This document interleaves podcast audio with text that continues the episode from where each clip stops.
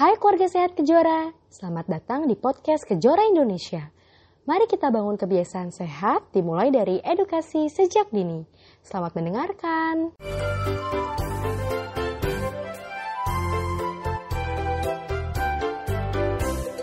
Nah, ini si Hai. Ibu. Aduh, lima jam deh ini Udah lama Maaf ya. udah lama banget nggak ketemu ya. Terus cuma virtual aja. Kita perkenalan dulu ya sebelum mulai ngobrol. Nah, jadi kali ini kita mau bahas tentang pemilihan sekolah yang eh, cocok nih untuk si anak. Kayaknya nggak bakal habis-habis dalam waktu satu jam. Kita kan rencananya satu jam ya. Semoga nggak molor ya. Satu bulan. Kayaknya satu bulan. Nah, akan men- uh, kita bakal ngobrol dari dua insight yang berbeda. Jadi uh, Saski sebagai psikolog akan membahas dari segi ya sekolah formal ya. Dan Hmm, Nesha sebagai homeschooling mom, gila keren banget. Keren banget. Kita akan mendapat insight baru dari uh, ibu yang homeschooling anak-anaknya yang ada tiga gitu kan. Ya udah kita perkenalan dulu aja. Boleh perkenalan masing-masing dulu sebentar. Dari Saski dulu. Uh, halo semuanya, selamat sore. Assalamualaikum warahmatullahi wabarakatuh. Makasih Waalaikumsalam. Kejora, makasih Kak Tara, uh, dan halo Nesha. Akhirnya kita ketemu juga. Jadi buat yang belum kenal, aku adalah Saski. Aku pekerjaanku psikolog anak dan keluarga. Uh, kebetulan aku co-foundernya tiga generasi nih. Kita uh, klinik sebetulnya yang uh, kalau di sosial media kita berbagi konten tentang parenting dan mental health. Kira-kira begitu perkenalanku. Oke, silakan Nesha. Assalamualaikum warahmatullahi wabarakatuh. Sebenarnya udah diperkenalkan tadi ya perkenalannya. Eh, ya itu tadi anakku ada tiga. Aku founder dari Protect Mamas dan sejak pandemi ini menjalani homeschooling. Dan kita nanti akan ngobrol lebih lanjut. Oke, penasaran banget sih sebenarnya. Nah, kita mulai aja ya diskusinya. Nah, kalau misalnya sekarang tuh jadi banyak banget nih sas orang tua yang banyak Hmm. nanya ke aku entah kenapa karena mungkin anakku udah ada yang lebih gede gitu kan. Jadi pada nanya eh usia berapa sih sebenarnya yang cocok? Maksudnya tepat nih si anak mulai sekolah. Apakah aku si ibu terlalu ambisius untuk menyekolahkan anak di usia dini? Kayak anaknya tuh masih kecil misalnya umur 2 tahun nih. Terus mau disekolahin ke TK. Udah cocok atau belum sih nih anak nih? Apakah terlalu kecil apa enggak? Cuma kalau misalnya di rumah nggak ada kerjaan lagi gitu misalnya. Itu yang TK ya. Kalau misalnya yang SD tuh pertanyaannya seputar eh, dia tuh udah siap belum sih me- kayak pindah ke jenjang yang lebih tinggi gitu. Kapan sih dia siap untuk tengkatnya ke SD gitu. Mungkin ini ya mirip-mirip ya. Maksudnya kesiapannya tuh kayak gimana sih supaya dia tuh dianggap ya udah oke siap untuk masuk sekolah gitu. Gimana Sas? Ah, ini eh, panjang nih jawabannya. Kalau di sebenarnya eh, karena gini kan di psikologi sendiri itu atau di bagian pendidikan itu memang ada jurusan pendidikan anak usia dini gitu. Jadi memang eh, ada spesifik institusi yang eh, di mana orang-orangnya tuh belajar untuk lebih mengedukasi atau stimulasi lah anak-anak usia dini. Nah, jadi kalau ditanya tadi Katara ambis nggak eh, dua tahun baru masukin TK, sekarang sih kayaknya enam bulan juga udah ada ya. Jadi ya. udah udah agak lama dari bulan enam bulan tuh ada. Karena kan basically sebenarnya eh, itu lebih ke bagaimana kita memberikan stimulasi ke anak usia dini nih. Kalau kita Hmm. ngomongin ke anak usia dini, ada yang eh, akhirnya di institusi, ada yang bisa dipegang. Kalau secara penelitian ya sebetulnya eh, tiga tahun ke bawah tuh eh, dibilang bagusnya kalau misalkan dia memang di home environment gitu. Jadi memang eh, kita bisa pegang sendiri. Tapi pada faktanya kan juga hmm, pegang sendiri di rumah itu mungkin nanti Nesha bisa lebih eh, jawab gitu ya. Itu kan banyak juga tantangannya gitu. Kalau misalnya eh, ada orang yang dia memang mau dan happy gitu ya. Orang tua orang tua yang mau dan happy ngurusin eh, peritilan tuh, ngajarin oke hari ini tuh programnya apa buat anak dan lain Hmm. sebagainya. Walaupun pasti umur-umur segitu juga eh, banyak kebebasan dalam kita kasih stimulasi juga kan. Tapi ada program yang oke deh kita bisa lebih terarah. Tapi ada parents-parents yang mungkin nggak punya luxury itu atau rasa happiness itu tuh uh, untuk pegang uh, pendidikan secara langsung. Sementara pendidikan itu aku selalu percaya jantungnya adalah relationship kita dengan yang kita ajarin gitu dengan si anak. Jadi Hmm. kalau kitanya di rumah uh, mau ngajar gitu ya kalau lihat Indonesia kan dari zaman aku dulu ngeliatin produktif mamas awal-awal gitu ya terus kita ngamuk-ngamuk gitu main sensori ya nggak masuk juga gitu di anaknya gitu kan karena misalnya mungkin dia nggak mau pegang ini nggak mau pegang itu tapi lain ceritanya hmm. kalau memang ibunya bisa dan happy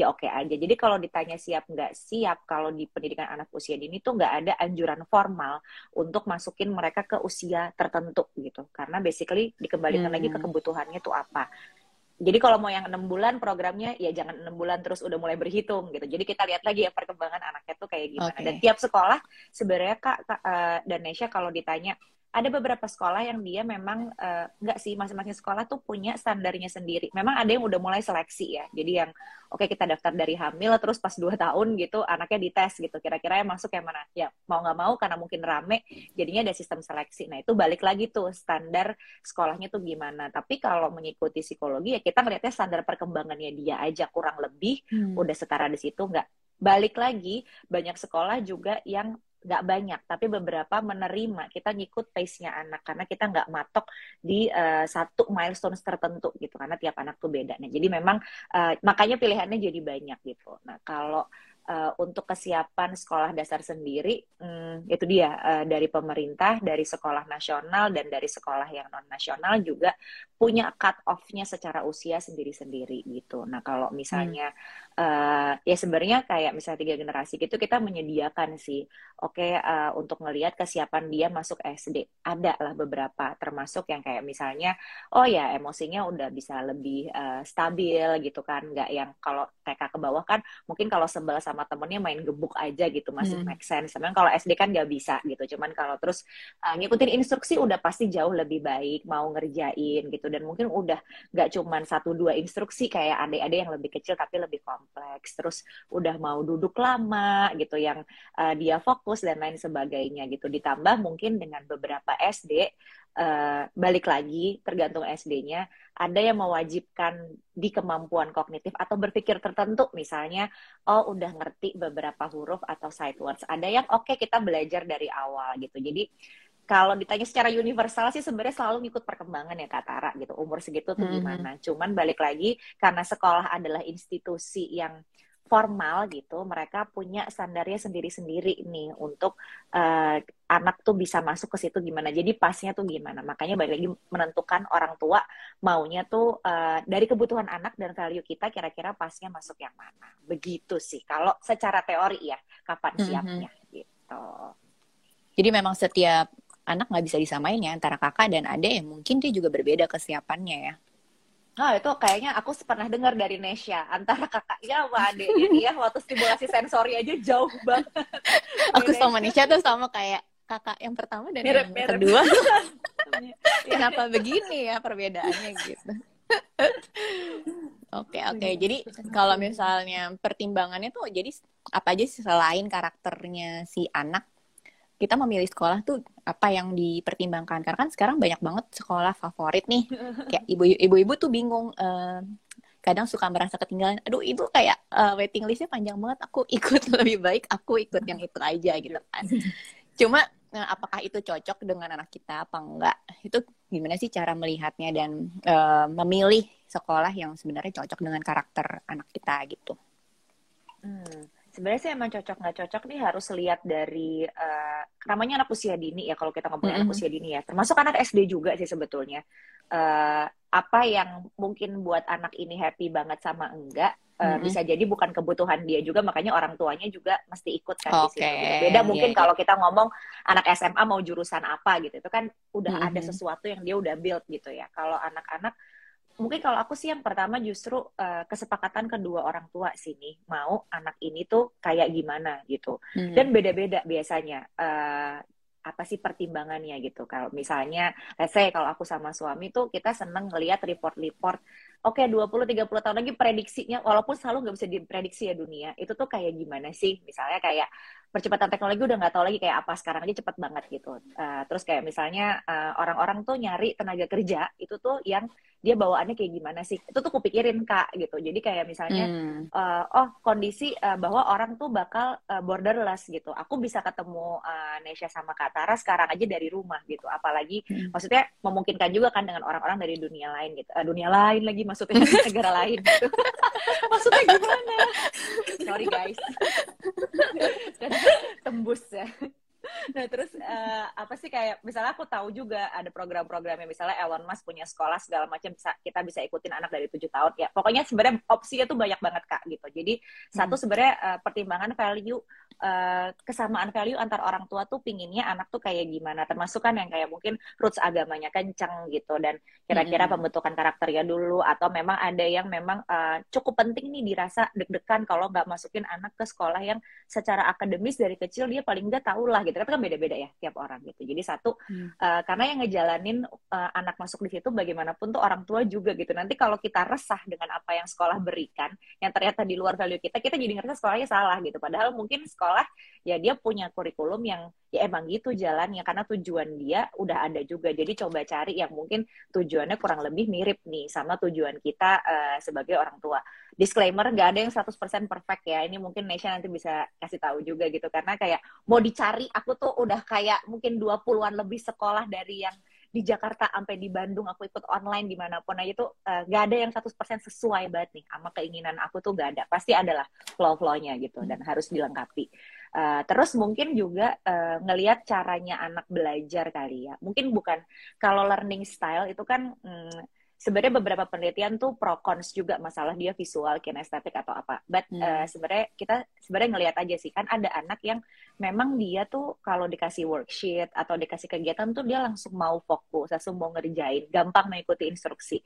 Tapi misalnya kayak anak aku gitu, aduh boro-boro banget gitu. Kalau ada barang itu dia lari dulu gitu ke mana, aktif banget. Jadi bayangin kan waktu tiba-tiba sekolah online tuh kayak agak botak juga gue gitu. Jadi gimana ya? Kayak dia bener-bener gak mau dengerin gitu. Jadi uh, dan uh, di saat anak-anak lain yang mungkin kalau gurunya ngajar dengan metode itu uh, art and craft gitu ya, dia mau gitu orang teman-temannya mau, anakku tuh nggak mau gitu. Jadi oh buat anak hmm. aku hmm tipe yang tiap hari variasi kegiatannya tuh beda-beda itu lebih menantang buat dia. Begitu hari ini main pasir, abis itu main jelly, abis itu eksperimen sains, itu dia mau ngikutin gitu. Tapi kalau kayak art katanya jangan harap gitu. Nah, balik lagi aku hmm. jadi dari dari aku ibu-ibu gila ya emang trial sekian belas untuk anaknya nggak apa-apa.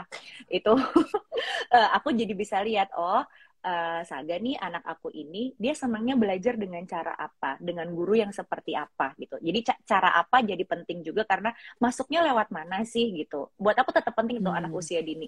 Karena nggak bisa aku paksa nanti dia keburu nggak suka. Tujuannya kan biar dia happy dulu ya. Even sampai SD itu menurutku penting sih dia happy belajar gitu. Dan yang ke, ya akhirnya terus akhirnya aku ngelihat ke interaksi guru sama anak gimana ya uh, sebagus-bagusnya kurikulum kalau yang membawakan tuh nggak bernyawa nggak resonate sama anaknya itu nggak jadi bagus gitu. Dan ini tuh hmm. udah banyak banget penelitiannya. Kualitas interaksi antara guru dan anak tuh penting banget gitu. Jadi uh, aku bisa lihat uh, oh ini guru yang ini kayaknya cocok nih sama anak aku. Guru yang mana tuh kayaknya enggak gitu. Utamanya sih mungkin uh, ya di luar hal-hal lain-lain ya mungkin pertimbangan secara finansial yang udah pasti beda-beda hmm. gitu. Terus mungkin fasilitas juga tesnya beda-beda gitu kan. Tapi kayak dari mulai value kita tujuan kita sama sekolah tuh uh, kayak gimana terus kayak cara pembelajaran yang di luar kurikulum tuh pas nggak sama cara anak kita belajar. Dan itu tadi sih uh, seberapa interaksinya tuh meaningful gitu. Kalau terlalu banyak mungkin buat anak aku nggak cocok, tapi ya terlalu, uh, tapi yang sedikit tapi kemudian kayak cukup fokus gitu, ya oke okay aja gitu. Jadi mungkin besarannya kita bisa lihat di situ di samping uh, hal-hal teknis yang juga uh, perlu dipikirin ya. Mungkin kayak misalnya seberapa sering gurunya tuh di training juga sama sekolah hmm. untuk tahu yang up to date tuh uh, kayak gimana sih ya, ya. pendidikan. Betul, terus program-program mungkin sekarang tuh juga aku mau ingetin karena kita kan mungkin banget ya ppkm lagi online program hmm. kalau kita mau masukin ke sekolah online programnya cukup bisa diikuti juga nggak dengan anak gitu karena offline bagus tidak menentukan onlinenya nya tuh uh, bisa diikutin dengan nyaman juga ya kan iya iya agak tricky sih ya? soalnya betul ya karena kan uh, beda ya caranya gurunya gitu dan kita juga jadi bisa ngelihat seberapa komunikatif dan responsif nih sekolah selama itu terjadi ya kurang lebih gitu kak. Mm -hmm. Oke. Okay aku mau nanya Malaysia juga nih sebagai yang pindah-pindah uh, kurikulum kayak dari sekolahnya kan macam-macam tuh kurikulumnya ada yang nasional, hmm. IB. Udah mencicipi beberapa nih. Kira-kira ada ini gak sih? Maksudnya uh, pengen tahu sharingnya gimana dari Indonesia? Um, buat aku apa buat anakku nih? buat anakmu juga nggak apa-apa sih. Eh, insight apa darimu, insight darimu, insight darimu Ya. tentang perbedaan kurikulum di sekolah. Oh, Oke. Tapi mirip-mirip sih sama Saski tadi ya. Em, Nggak bisa disamaratakan ya, bener-bener tergantung anak. Karena sebagus-bagusnya kurikulum, kalau nggak sesuai sama apa ya karakter, personality dan ya cara dia belajar tadi gitu tuh Hmm. pasti em, tetap aja nggak bakal connect gitu loh. Nah, terus em, jadi kalau untuk milih sekolah, tadi aku mirip-mirip juga sih sama Saski. Em, kurikulum tentu nomor satu.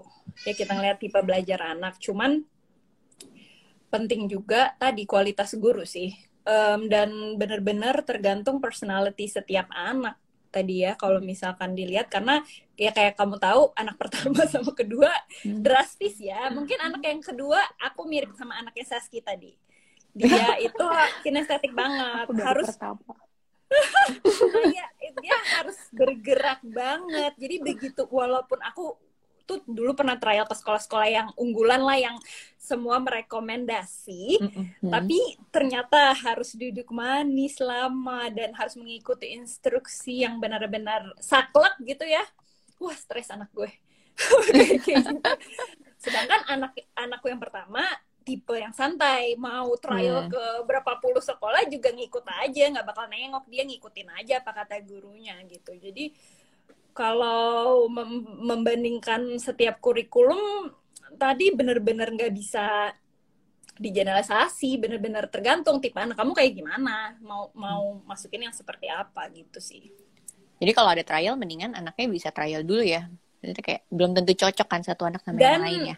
Dan nggak trial doang kalau bisa punya temen yang di dalam sekolah Hmm. Betul. Itu Jadi Modal. harus ya, harus Itu di lebih- kayak diteror ya gimana sih tiap hari Iya, belajarnya kayak it- gimana? itu itu lebih baik karena gurunya gimana? tentu kalau open house mereka akan nunjukin yang, Lagi bagus. Ya, oke. Iya, dan Iya, benar. tentu apa visi misi sama eksekusi jauh beda. Belum Setuju. tentu eksekusinya sesuai gitu. Jadi kalau bi- lebih malahan menurut aku selain trial itu penting banget ada insight dari dalam, lebih penting sih. Oke, oke, oke. Terus kalau misalnya eh, entah kenapa ya anak anak sekarang nih makin ke sini tuh makin kritis-kritis gitu, Sas. Terus Iya kayak sih. ini sepertinya pemilihan sekolahnya tuh jadi kayak berbeda gitu. Eh, jadi milih sekolah yang emang dominan tuh active learning gitu kan. Kira-kira gimana sih menyikapinya? Kadang tuh suka kayak apakah anak ini harus beneran di metode yang ya kayak Montessori, active learning gitu atau ya udah biar dia agak disiplin dikit di metode yang konvensional gitu biar dia bisa taat instruksi apa gimana sih Sas?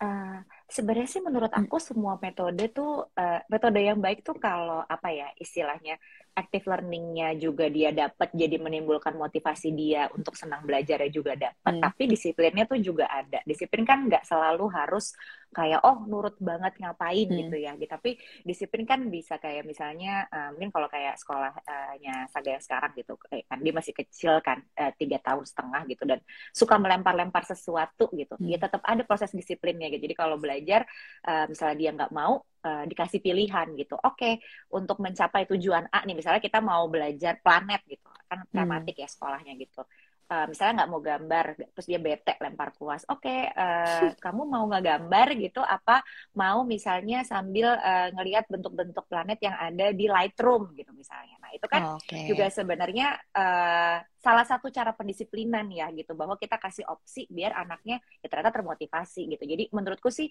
apalagi kalau kita ngomongin anak SD eh, apa sih dosis disiplin tuh udah pasti harus ada gitu karena itu kan Hmm. memang eh, nggak nggak oke juga kalau misalnya sebuah temennya udah masuk kelas gitu ya dia masih kayak lari-lari di lapangan gitu udah padahal udah bel gitu. Nah ini berarti eh, kematangan emosionalnya juga belum nyampe situ gitu. Eh, dan eh, sekolah juga kalau misalkan melepas itu berarti ya ini eh, agak kurang sesuai ya sama eh, apa sih menuju ke perkembangan anak di tahap usianya tuh kayak gimana gitu. Jadi menurutku sih kalau itu let's say eh, Montessori atau konvensional sebenarnya lebih ke balik ke tujuan lagi gitu. Ketika kita masukin anak gitu, eh, terutama jenjang usia dini dan SD, tujuan utama kita tuh sebetulnya apa sih? Salah satunya apakah misalnya eh kalau selain kalau secara teori paling enggak di umur-umur segitu tuh kesenangannya atau kebahagiaannya untuk belajar tuh tumbuh gitu. Jadinya hmm. pas udah bebannya berat banget tuh cuy SMP SMA kan gitu, itu dia udah lebih punya modal untuk oh aku tuh mau inisiatif uh, nyari materi sendiri. Apalagi anak sekarang pinter-pinter hmm. deh kalau kita ngajarin teori di Google juga banyak itu udah paling gampang yeah. gitu. Kalau knowledge itu paling gampang gitu. Tapi kalau misalnya inisiatif dia, drive-nya dia, terus kalau dia nggak bisa dia mau trial and error dan lain sebagainya, cara dia mungkin uh, inquiry-nya gitu ya, terus apa penasaran sama sesuatu itu kan yang uh, sangat penting banget tuh di dasar-dasar gitu. Nah sekolah kasih nggak, walaupun dia misalnya kurikulum apa pun gitu, karena pasti di tiap mm -hmm. kurikulum tuh ada juga uh, sekolah yang uh, dia model pembelajarannya membuat anaknya jadi penasaran terus, jadi hmm. inisiatifnya jadi bagus dan lain sebagainya. Jadi sebenarnya uh, titik beratnya kalau buat aku ketika ngomongin pasnya yang mana adalah ya fondasi awal yang dibentuk sebetulnya di uh, apa uh, di usia dini dan SD gitu ya. Uh, ini di luar karakter ya untuk pendidikan sendiri adalah ya memang bagaimana dia tumbuh rasa cintanya untuk belajar gitu. Bukan dia kayak ke sekolah tuh kayak tertekan atau belajar tuh tertekan masih lama nak kamu waktunya kalau sekarang aja kamu nego bangun ini kalau tiba-tiba kamu harus S2 dan itu masih lama banget gitu. Nah, itu sih. Jadi aku sebenarnya lebih fokusnya ke situ sih Kak, kayak sekolah ini uh, apa pun tugas dan kegiatannya membangun nggak rasa anak hmm. untuk cinta terhadap kegiatan dan proses belajar karena ya kita tahu uh, dengan percepatan informasi perubahan teknologi yang namanya enam bulan sekali anak harus ganti skill nambah skill bukan ganti skill terus mulai menyesuaikan itu tuh nggak bisa kalau tiba-tiba kita pas baru umur 20 mendadak gitu mm-hmm. ini baru nih gitu Oke. Okay. yang penting sebenarnya Yang penting proses ya sebenarnya bukan hasil yang dicapai ya intinya. Sebelum kita ke Nesya, ini ada pertanyaan dulu kali ya Sas. Sore Kak Saskia mau tanya untuk anak usia kurang dari 2 tahun, apakah sudah bisa dilihat ia punya kecerdasan tipe apa dan bagaimana pemilihan preschool sesuai dengan tipe kecerdasan anak tersebut? Oke, dua tahun ya. Oh, dua, dua tahun. tahun. Uh, dua tahun. Kurang dari dua tahun malah uh, kayaknya ter, uh, sebenarnya jawabannya terlalu... ada dua. Hmm? Satu terlalu cepat karena terlalu cepat, ya? uh, anak tuh kan punya uh, kalau di Montessori bahasanya sensitive period ya. Jadi kayak ada sensitive period yang beda-beda. Mungkin sekarang dia lagi nggak menunjukkan keinginannya untuk art and craft lagi pingin yang lain tapi hmm. mungkin bulan depan udah lebih siap jadinya mau gitu jadi memang masih sangat berubah-ubah dan tugasnya kan pada saat anak lahir itu tuh udah uh, udah di, udah diberikan sama Allah tuh ya ada otak gitu kan. Terus untuk supaya saling bersambungan itu tuh perlu uh, banyak kegiatan yang variasi dan juga interaksi yang positif gitu intinya besar ya gitu. Jadi semakin banyak kegiatannya, semakin warna-warni, semakin nyala-nyala tuh uh, bagian-bagian hmm. otaknya gitu. Jadi sebenarnya fokusnya kalau kita mau nambahin kegiatan bukan supaya dia pro di seni, pro di bela diri, pro apa gitu, tapi ya kasih exposure aja buat uh, semuanya gitu. Nah, uh, tapi memang beberapa kejadian sangat sedikit ya gitu ekstrim. Kalau berbakat banget itu kelihatan di sorry sorry kelihatan di uh, di masa-masa yang lebih kecil gitu. Jadi kayak misalnya dia belum setahun udah nyanyi banget bernada gitu ya, atau misalnya uh, balance-nya udah bagus banget, mungkin dia bakat. Tapi saranku, kalaupun kita tahu dia misalnya kayaknya menonjol banget di satu area, karena masih usia dini, sayang otaknya kalau kita fokus doang di bagian itu. Hmm. Kasih variasi uh, kegiatan yang lain juga. Sebenarnya gitu okay. sih. Jadi yang lain biar tereksplor, jadi nanti dengan sendirinya akan kelihatan ya bakatnya di sebelah mana gitu ya. Oke, sekarang uh, aku mau nanya Nesha, aku penasaran banget kenapa sih alasannya Nesha beralih ke homeschooling? Nah, kita tuh emang gue tuh dari dulu emang cocok sih sama Saski. Dari tadi dari tadi jawaban-jawaban dia sebenarnya udah merepresentasikan jawaban gue. Um, ini tuh karena sebenarnya kalau homeschooling tuh udah pingin dari dulu banget ya. Cuman hmm. nggak hmm. pernah berani lah ya. Maksudnya ya sama lah kayak ibu-ibu sini kan pasti pinginnya nggak um, tahu ya masih ada pingin sekolah apa, pingin sekolah apa kayak hmm. gitu gitulah. Tapi um, katalisnya tuh ya pas pandemi ini yang sekolah tadinya oke okay offline, pas online tetot banget lah gitu, hmm. kacau hmm. program offline-nya. Terus anakku tuh kayak tertekan gitu. Kayak setiap hari belajarnya bener-bener ngisi worksheet. Pelajarannya hmm. juga ngebosenin banget. Ya walaupun tematik tapi ya gimana sih kalau cuma ngisi worksheet ya? Nggak ada nggak ada eksperimen nggak ada apa nggak ada apa. Bener-bener membosankan. Dia tuh sampai beberapa kali nangis nangis kitanya juga udah mau gila ya. Iya. kayak kayak nyuruh nyuruh nyuruh nyuruh ayo kerjain kerjain kerjain. Padahal kita tahu itu juga boring ya sebenarnya. Iya. kita pun juga padahal dia itu tipe hmm? anaknya yang um, apa sebenarnya dia antusias dengan banyak hal. Dia tuh semangat dia curious dia sebenarnya senang belajar. Tadi yang kayak Saski dia kecintaan belajarnya tinggi. Tapi pas pandemi ini aku ngeliat kayak surat kayak drop banget yang benar-benar gak termotivasi. Hari-hari pokoknya kelihatan lah kayak stres gitu. Pokoknya bener-bener nggak suka nggak mau sama sekali ngerjain nggak mau dengerin gurunya nggak mau ngerjain. Padahal kalau di sekolah dia dari kecil itu tipe yang dicintai semua guru. Yang reportnya selalu bagus yang okay. selalu oke okay lah pokoknya nggak ada masalah begitu di rumah itu kacau gitu. Terus hubungannya sama aku juga nggak baik gitu. Dan menurut aku aku tadi persis banget sama Saski. Fokus aku adalah um, ya early years sama SD itu kecintaan belajar fitrah belajar. Itu harus tinggi banget gitu. Karena hmm. ya sebenarnya kita kan juga sampai umur segini aja juga lifelong learner ya. Kita pingin anak kita juga agile ya, bisa di segala situasi dia bisa mencari tahu sendiri kayak gitu-gitu. Jadi di situ aku putuskan sih sama suami aku wah nggak bisa nih kayaknya kayak gini terus gitu. Kayaknya beda pokoknya karakternya berubah lah. Ini switch personality. Udah deh um, dan emang dari dulu aku mindsetnya masukin sekolah. Sekolah itu ya di sini tapi tetap kita lengkapin di rumah Hmm. Nah, jadi walaupun pas pandemi itu lagi ngerjain sekolah, tetap ada project-project dari kita dan pas dikasih project dari kita dia happy. Jadi hmm. beda banget tuh. Okay. Terus kupikir ya udah sih kenapa mesti di sekolah ini udah kita bikin kita aja yang bikinin project-project gitu.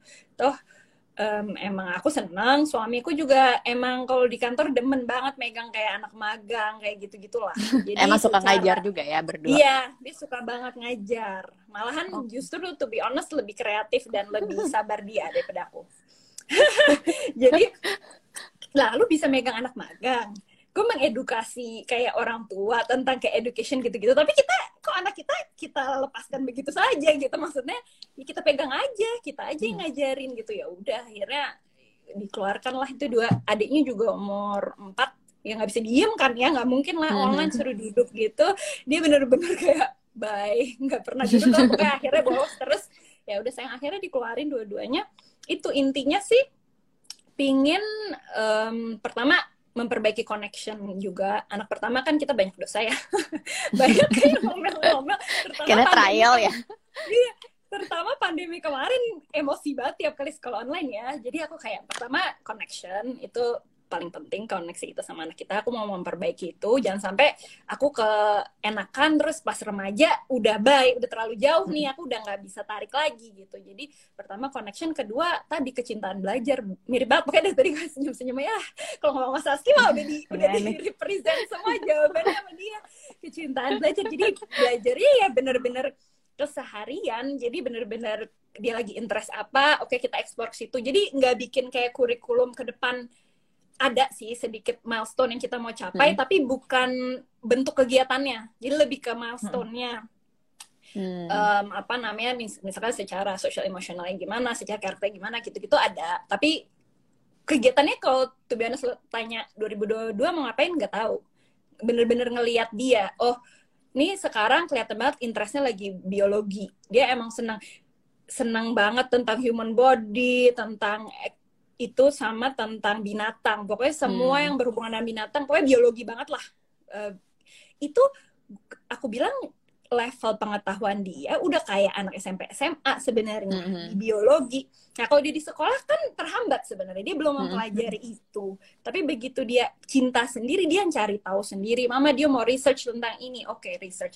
Oke okay, habis ini kita mau bikin project apa? Oke okay, dia mau kayaknya pengen explore bikin um, apa misalkan uh, kerangka tentang human body habis itu mau dipresentasiin ke keluarga kayak gitu itu kepingin dia sendiri gitu jadi homeschooling ini ya bener-bener kalau kata Montessori ya follow the child gitu ya. Follow the child. Terus tapi tetap ada uh, freedom within limits tentu ada aturan-aturannya yang kita berikan juga ya bukan berarti terus dia ler-ler terus nggak nggak ngapa-ngapain sepanjang hari cuman bener-bener oh yang ini interestnya lagi ini kalau yang kecil hmm. lagi senengnya apa emang dia motorik kasar banget ya, ya jadi emang maksimalin di olahraga. Kalau toh hmm. harus misalkan dia pingin belajar angka gitu-gitu dia tuh senengnya board game sama main kartu sama um, puzzle. Jadi dia aku nggak pernah ngajarin dia angka nggak pernah ngajarin berhitung. Bahkan aku kalau yang nyanyi-nyanyi gitu gue tuh nggak rajin jujur. Jadi dia tiba-tiba bisa aja gitu angka apa segala macam gara-gara main board game, main kartu. Jadi oh, kayak natural banget belajar mm -hmm. itu ya dari keseharian lah. Dan sebenarnya di workplace aja kan kita juga nggak selalu ketemu sama yang seangkatan sama kita doang kan jadi ya bener-bener ya dia ketemu tetangga dia ketemu pas satpam dia ngobrol sama tante ini om ini ya kadang tetangga yang seumuran juga gitu sih bener-bener belajar dari keseharian gitu hmm, oke okay. jadi waktunya tapi kalau misalnya per hari itu ada kayak batasannya nggak ada juga bebas aja tuh gimana? Um, sebenarnya sih bisa dibilang sepanjang hari, tapi yang bener-bener dialokasi di dialokasiin hmm. ya ada sih. Jadi emang pagi karena kan aku sama suami juga ada kegiatan lain ya.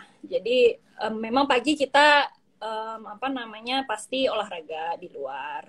Terus kita jamuran dan segala macam. Nah habis itu um, pokoknya sampai capek dulu lah physical activities. Habis itu baru masuk, baru yang duduk, yang um, ngobrol atau belajar atau bikin-bikin sesuatu gitu tuh ada sih. Kalau aku pagi sampai jam sebelasan gitu lah. Pokoknya di luar sampai jam 9, nanti 9 sampai 11 kita ada activity. Tapi itu juga bergantian sih, nggak yang full satu jam hmm. terus dia duduk. Kalau dia lagi mau explore, mau research apa, boleh. Kalau yang ini lagi mau ngulik-ngulik apa, boleh gitu. Jadi terus sampai jam 12, habis itu sih free. Tapi ya malam tuh kita banyak sesi kayak baca sama-sama sharing session. Kayak setiap minggu tuh kita ada kayak family meeting gitu.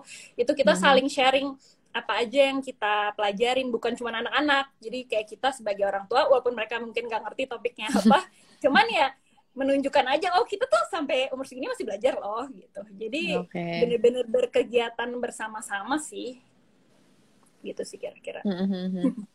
Nah, sekarang kan kayak di googling tuh banyak juga kayak kurikulum untuk homeschooling gitu kan. Nah, Nesha tuh juga ada nggak sih kurikulum tertentu kalau misalnya uh, orang tua lain mungkin pengen tahu apakah yang kalau tadi kan kata Nesha nggak ada nih kurikulum yang khusus. Tapi kalau mau mencontek atau kayak uh, panduannya supaya nggak skip-skip amat nih kalau misalnya uh, di di rumah kan kadang suka kayak ngeblank kan. Ini abis ini apa ya yang perlu dieksplor atau apa. Biasanya tuh dari mana idenya? Panduan. Sebenarnya sih nggak ada yang khusus kayak gitu, tapi memang hmm. orang tuanya harus rajin belajar ya. Tadi paham tumbuh kembang anak. Aku mempelajari semua kurikulum sih sebenarnya ya. Montessori pernah, Charlotte Mason pernah lah. Charlotte Mason. Uh... Iya, terus lu sebutin lah semua Waldorf lah apa semua sih dipelajarin. Terus yeah, emang yeah. ada juga satu lembaga nanti uh, Ramai Rumah Inspirasi itu memang khusus dia ada kurikulum home, ngajarkan homeschooling karena by experience gitu ya misalnya hmm. yang project based game based learning apa semua dipelajarin tapi terus tadi diajak sama anaknya oh nyoba si kakaknya kalau gini oh dia mental nih nggak cocok oh ya udah kita coba yang ini oh ini oh yang kayak hmm. gini cocok nih. Oke oke kita terusin. Sama adiknya nggak bisa yang sama beda lagi. Ya jadi nggak kalau misalkan um, ada yang jual kurikulum kayak gitu aku nggak pakai itu karena jadinya aku nggak follow the child tadi. Nggak mengikuti hmm. si interest anaknya karena beda banget sih pas mereka emang antusias tuh kelihatan lah dari caranya ngejelasin dari binar yeah, yeah. matanya binar-binar ya biasanya. Iya yeah, kalau emang seneng ya kalau yang kita paksa ayo kamu belajar tentang ini gitu, gitu. kayak itu alasannya kayak, kayak banyak banget. Iya aduh ngantuk. Nggak ah, bentar nggak kadang-kadang kalau udah kan tiba-tiba seger yeah. lagi gitu kan kalau udah yeah, nggak yeah. jadi deh. Ya acting iya jadi tapi memang ada um, misalkan aku tetap ada kayak matematika sama literasi itu tetap yang fix. Kau bilang yang lain kita bisa adjust, tapi literasi sama matematika kita harus latihan setiap hari karena emang hmm. ya itu. Jadi hmm. proses eh progress over perfection juga ya jadi kayak tiap hari kalau kayak gini karena matematika kita gunakan dalam kehidupan sehari-hari gitu aku bilang jadi kalaupun dia dia kurang suka sebenarnya matematika dia literasinya yang bagus kan jadi kalau itu dia santai tapi begitu matematika uh, tapi nggak bisa. Kita sehari-hari itu di mana aja ketemu matematika dan dan pakai literasi. Jadi kalau ini wajib di sini. Jadi dia tetap ada komitmen di situ. Tapi yang lain kita bisa adjust sesuai interest kamu gitu. Gitu okay, sih okay. kalau aku. Sama agama sama agama juga sih tauhid ya. Kita tapi agamanya tuh juga banyak belajarnya dari ngobrol ya. Maksudnya um, iya ibadah wajib tapi juga kayak kita dulu kan kadang maaf ya jadi bawa agama tapi maksudnya kadang kita ibadah itu suka terpaksa kayak gitu gitu loh mm-hmm. karena kita nggak tahu kenapa kan dari dulu kita disuruh-suruh aja. Nggak jelas kenapa kita disuruh-suruh gitu kan. Kayak jadi banyak ngobrolin kayak kenapa sih kita perlu melakukan ini? Kenapa sih kita perlu melakukan itu? Aku rasa itu kadang miss aja kalau bukan berarti nggak bisa kalau sekolah pasti bisa. Cuman hmm. aku ngerasa aku bisa lebih banyak invest di situ dan nggak kelewatan um, ngobrolin hal-hal penting tentang kehidupan itu kalau dia homeschooling gitu sih oke okay. Uh, untuk ayah ibu yang baru bergabung boleh nanya di kolom komentar ya biar bisa ditanyain ke narsum. Nah, terus aku pengen nanya gimana sih ngatur waktu yang seimbang nih sebenarnya. Pas dengar oh homeschooling terus aku langsung kayak pusing sendiri kan kayak itu emang.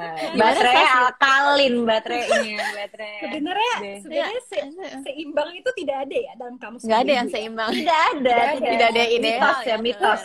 saya kalau lihat sebenarnya pertanyaannya kayak gimana supaya waras?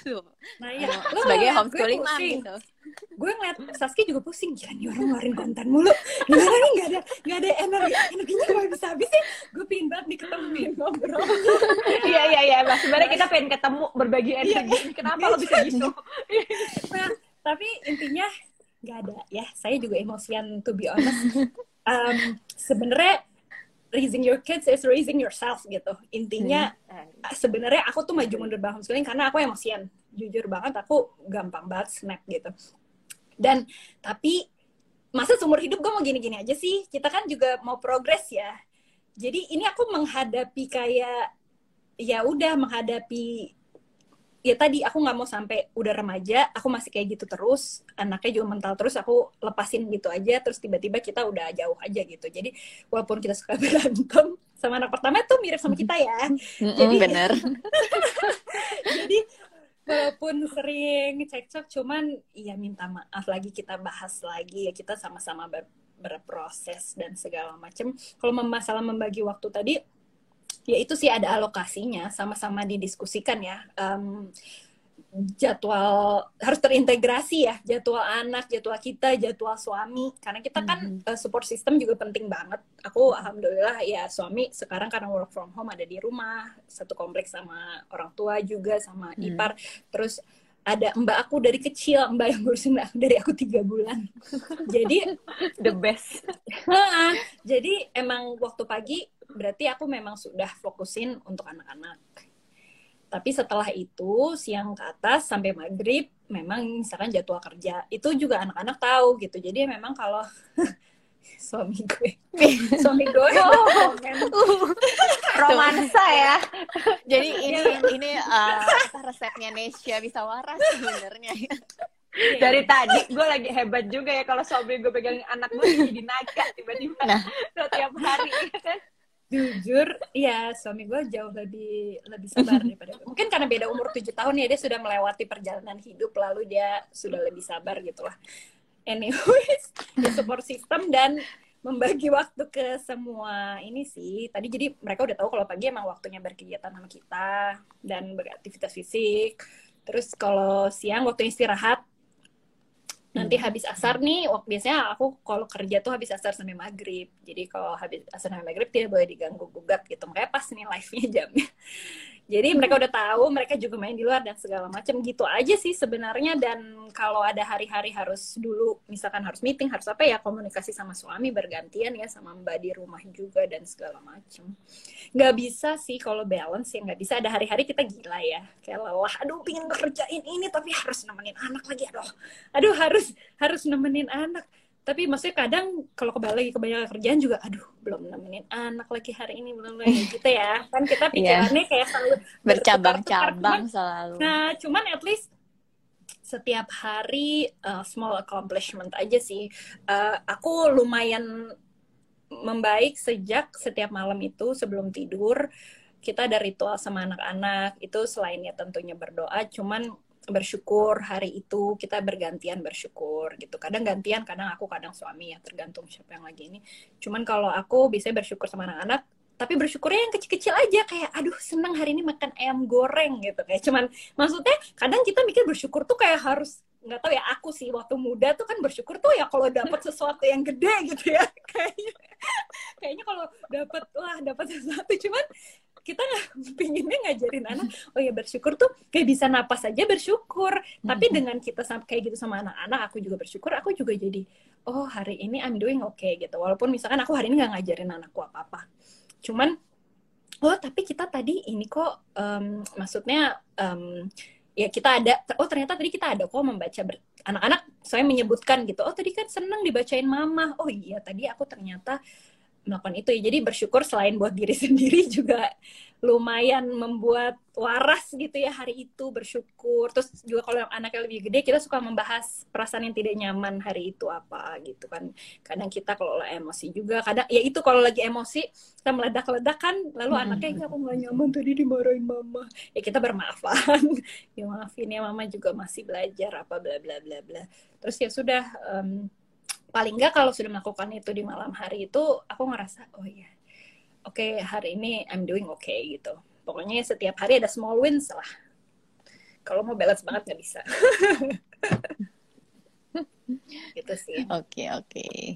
Nah, terus berarti setelah homeschooling ini, eh, si anak pertama ini udah oke lagi kayak seperti dulu kala. Kan biasanya kemarin tuh sempat bermasalah gitu kan emosinya. Berarti emosinya kembali stabil gitu ya. Ya Hmm. iya tapi em, kalau sama adiknya sih tetap ya berantem ya. Ah, Oke. tidak bisa dihindari ya. Itu mah tetap ya sibling ya. Cuman Heeh. fitrah belajar tadi sih yang Saski bilang. Kecintaan pada belajar itu beda banget. Kayak benar-benar wah intu banget. Dan dia sendiri yang mama aku mau dong belajar tentang ini. Mama aku mau research tentang ini dong. Aku mau mau ini dong. Jadi dia sendiri yang yang antusias gitu beda lah kayak kemarin kayak eh, gitu. Kayak bener-bener kayak tidur tiduran doang. Ah bosan ah bosan hari ini bosan besok bosan ini Mhm. bosan gitu. Ibunya yang nemenin juga bosan ya. Ya, saya juga bosan ya. Nah itu sih yang uh, aku mau tanya sama Saski kalau misalnya tanda si anak emang nggak cocok atau kayak nggak suka di sekolah, terus kayak kita harus memutuskan untuk ya udah uh, keluar dari sekolah itu, itu kira-kira apa sih? Kan kadang emang anak tuh kadang suka emang males sekolah karena ya dia ngantuk lah, emang pengen main, apalagi kayak off uh, online gini, apalagi ada adiknya kan dia lebih baik main yang ada wujudnya gitu kan di rumah. Ini kalau misalnya udah red flag kayak si anak nih udah nggak bisa sekolah di sini nih kita harus pindah atau kayak cari carilah metode lain tuh apa sih Sas? Hmm. Iya dulu tuh aku sebenarnya dulu ya menganut Hmm. kar- karena sebenarnya adikku tuh kan bedanya 9 tahun di bawahku. Nah, kebetulan tuh tabiatnya beda banget sama aku nih karakternya. Emang emang lebih anak baik-baik, santun dan kalem gitu ya. Dan pada satu masa dalam hidup dia gitu dan dia tuh tipe yang kalau ada eh, apa misalnya kayak lingkungan baru dan lain sebagainya tuh butuh penyesuaian eh, lumayan prosesnya lumayan lebih lama daripada aku gitu. Dan eh, satu kali tuh sempat kepingin keluar dari sekolah yang sebenarnya aku juga selalu disekolahin di situ aja gitu. Dia pingin keluar aja gitu waktu itu sampai kita harus cari-cari sekolah lain. Dulu aku berpendapat eh, pada saat aku masih sekolah ya, aku berpendapat kayaknya eh, oh nggak bisa nih eh, anak itu tuh eh, harus dibiasain dia menyelesaikan apa yang sudah dia eh, kerjakan gitu. Nah, tapi memang eh, seiring dengan berjalannya waktu gitu ya, eh, termasuk aku akhirnya tadinya anak aku tuh preschool di satu sekolah A gitu. Terus eh, waktu waktu ya online memang kan sebenarnya gini sih online bener banget kata-kata Ra, ada adjustment adjustment juga kan baik dari sekolah maupun eh, dari anaknya juga gitu. Nggak biasa sama apalagi anak usia dini ya nggak biasa sama situasi kayak gitu gitu. Sehingga mungkin banget di, di satu dua minggu awal atau sebulan awal tuh terjadi banyak hal-hal yang di luar ekspektasi kita gitu. Yang ya memang ekspektasi kita pun juga harus di-adjust ya. Kalau tiba-tiba waktu itu kan kayak pandemi segala macam tapi uh, waktu itu aku udah di tahun 2021 tuh. Jadi it's been a year dari situ hmm. gitu. Waktu itu uh, sempat aku offin dulu. Uh, tuh biasa aku pindahin. Sebenarnya kalau red flagnya sih lebih ke arah uh, mungkin kalau di anak gitu ya kelihatannya uh, adjustment itu kan semakin lama semakin anaknya bisa lebih nyaman.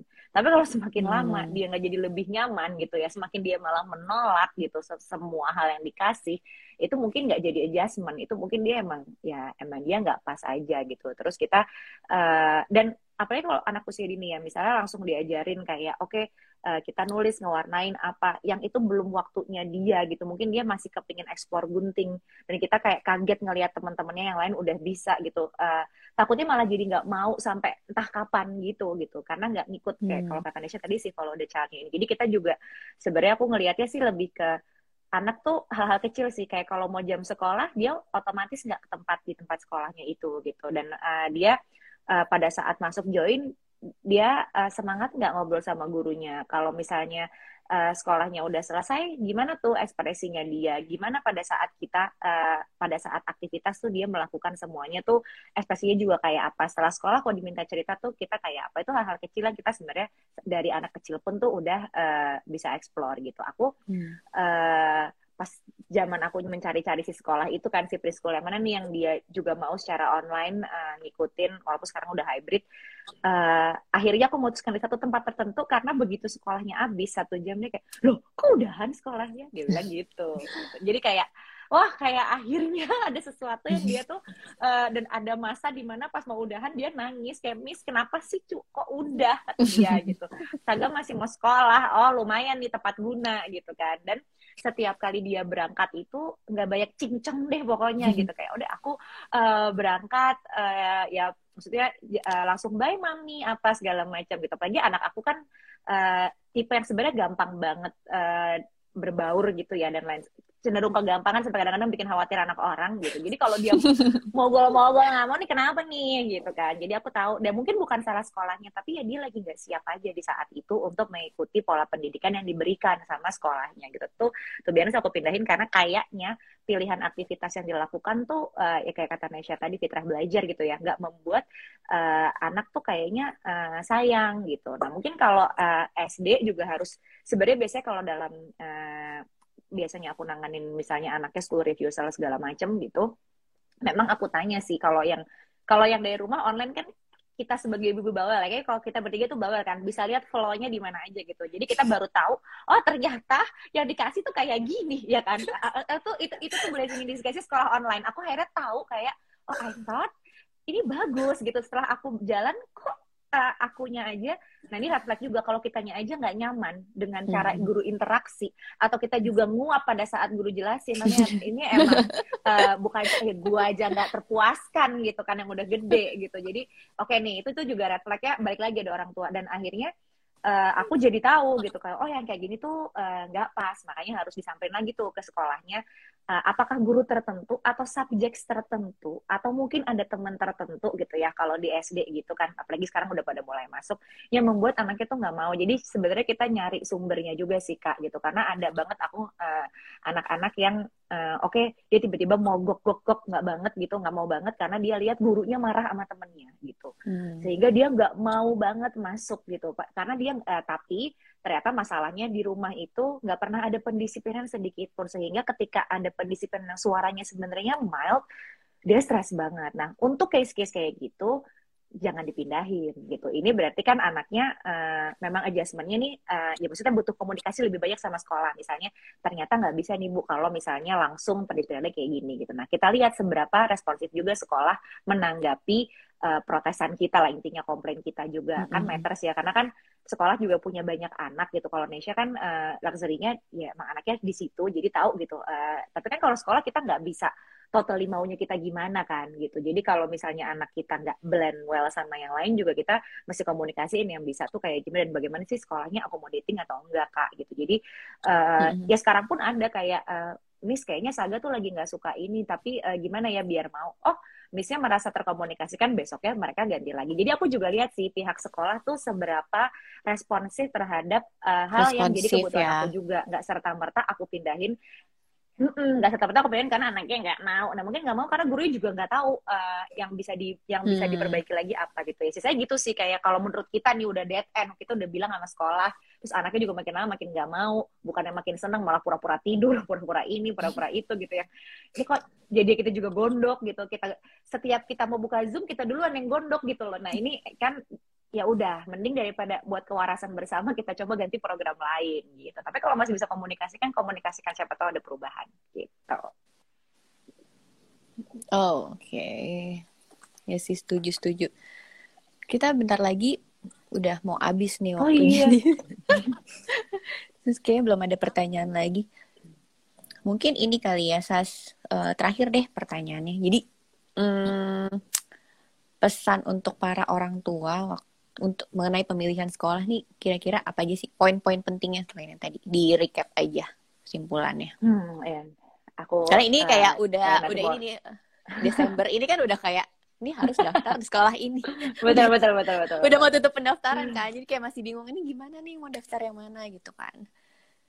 Jadi okay. supaya ya sih kalau tegak uh, supaya lebih kebayang ya. Kalau aku sih itu sih uh, sama ya sebenarnya kayak Indonesia sih ya, karena aku juga Indonesia kurang lebih mungkin mirip-mirip cuman beda aja ya kesehariannya. Hmm. Jadi sebenarnya ya itu tadi sih tujuan kita uh, sebagai orang tua tuh kita pingin punya anak tuh perkembangannya kayak gimana itu tuh kayaknya mesti clear dulu nih antara dua belah pihak untuk kita bisa menentukan uh, what's the best for uh, the children also gitu kan kayak uh, itu dulu gitu dan kemudian juga uh, aku setuju sih sama poin kedua Nesya eh, eh, bahwa kita tuh lifelong learner juga sebagai orang tua gitu dan bahwa jadi ibu jadi orang tua tuh uh, itu tuh self development kita gitu jadi kalau Nesya mau ngajar sendiri itu sebagai self developmentnya Nesya untuk menurunkan egonya mungkin meningkatkan sesuatu hmm. yang lain gitu untuk bertumbuh itu memang paling bisa tuh sama anak. Even pada saat aku taruh anak di institusi, itu aku uh, ngebacain semua si kurikulum itu gitu. Karena balik hmm. lagi memang yang paling tahu dan dua, yang lebih banyak spending time sama anak lagi-lagi kan kita ya gitu. Jadi uh, pun kalau kita udah letakkan dia di satu sekolah gitu, jangan lupa kita juga belajar juga apa sih yang diberikan sekolah, apa sih yang uh, update, apa sih yang uh, oke okay, sekarang minatnya anaknya. Misalnya tadi Nesha bilang uh, di biologi kayaknya udah mulai SMP SMA gitu. Ya kenapa kita nggak uh, nambahin curiosity dia? Kenapa kita mesti maksudnya oke okay, sekolah belajarnya A, ya nggak apa-apa, tapi kalau kita mau kasih lagi ya boleh gitu. Jadi sebenarnya uh, yang belajar di sini bukan cuma anak, tapi kita juga sebagai orang tua mau itu homeschooling, mau itu kita titipin institusi itu tetap harus ada tuh di hati kita gitu. Dan yang terakhir jangan lupa pilih yang memang uh, kalau bisa dikonsider pilih yang gimana caranya anak itu tuh punya kecintaan belajar itu tadi ya gitu dan karena ini yang akan long last bukan bukan cuman buat SMP SMA tapi bahkan untuk seumur kita gitu bahwa belajar tuh bukan sesuatu yang cuma punya orang pinter doang secara hmm. akademik hmm. cuman punya orang-orang tertentu doang nih yang suka belajar enggak belajar tuh banyak caranya gitu dan kita harus semangat di situ ya terakhir always menurutku education itu begins with interaction. Jadi coba dilihat gurunya, nyaman nggak? Lihat environment sekolahnya, bukan cuma sekolahnya, mungkin juga uh, orang tua orang tua di situ, terus kemudian juga kayak guru-gurunya gitu ya, adminnya segalanya. Kalau kita nyaman ya udah let's just go for it. Kalau nggak nyaman atau masih kayak banyak ini itu dan mungkin punya tenaga dan kebahagiaan nih untuk ngajar sendiri, kayaknya kayak Nesha dan suami itu juga bisa jadi opsi yang menarik dan ada support sistemnya juga ya uh, Nes untuk kayak yang emang mau ke arah sana gitu gitu. Oke, okay. kalau Nesha ada yang mau ditambahin atau udah sama? itu udah gue selalu kalau ngomong sama dia udah dia rangkum semua isi kepala gue soalnya kita tuh mirip jadi ya betul, tapi satu, satu makanya intinya mirip sama Saski tadi kenapa mesti ngeliatin perintilan karena hmm. um, follow your heart sih kayak betul, kadang direkomend sama semua orang nggak cocok. Kayak belum tapi nggak cocok iya, nggak gak, belum tentu nggak cocok. gitu ya. orang kayak hmm. ikutan lu bener-bener emang datang lu rasain gitu sebenarnya ya. Hmm. kalau milih sekolah ya terus kayak kalau nggak pakai tapi pas dibahas sama suami kayak bener-bener oke okay nih sekolahnya tapi kayaknya bisa kan ada tapi. Kalau ada tapinya ya jangan. Kalau misalkan oke okay, gitu ya udah. Tapi tadi jangan lupa lengkapin di rumah sih apa pun sekolahnya. Itu aja udah dirangkum semua soalnya oke terima kasih banyak untuk narasumber kita kali ini Saskia dan Nesha kasih ya waktunya Thank Nanti you. untuk para orang tua yang belum sempet nonton full bisa ada rekamannya di IGTV Kejora dan juga di YouTube serta Spotify Kejora Indonesia ya. Oke, terima kasih untuk para keluarga Kejora yang sudah bergabung. Sampai ketemu lagi di IG Live berikutnya. Bye-bye. Bye. Dadah Nesya, dadah Saski. Assalamualaikum. Waalaikumsalam. Waalaikumsalam.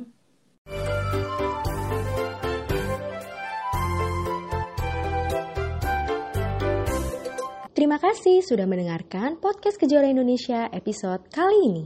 Nantikan beragam sharing info kesehatan menarik lainnya ya. Salam sehat Kejora Indonesia.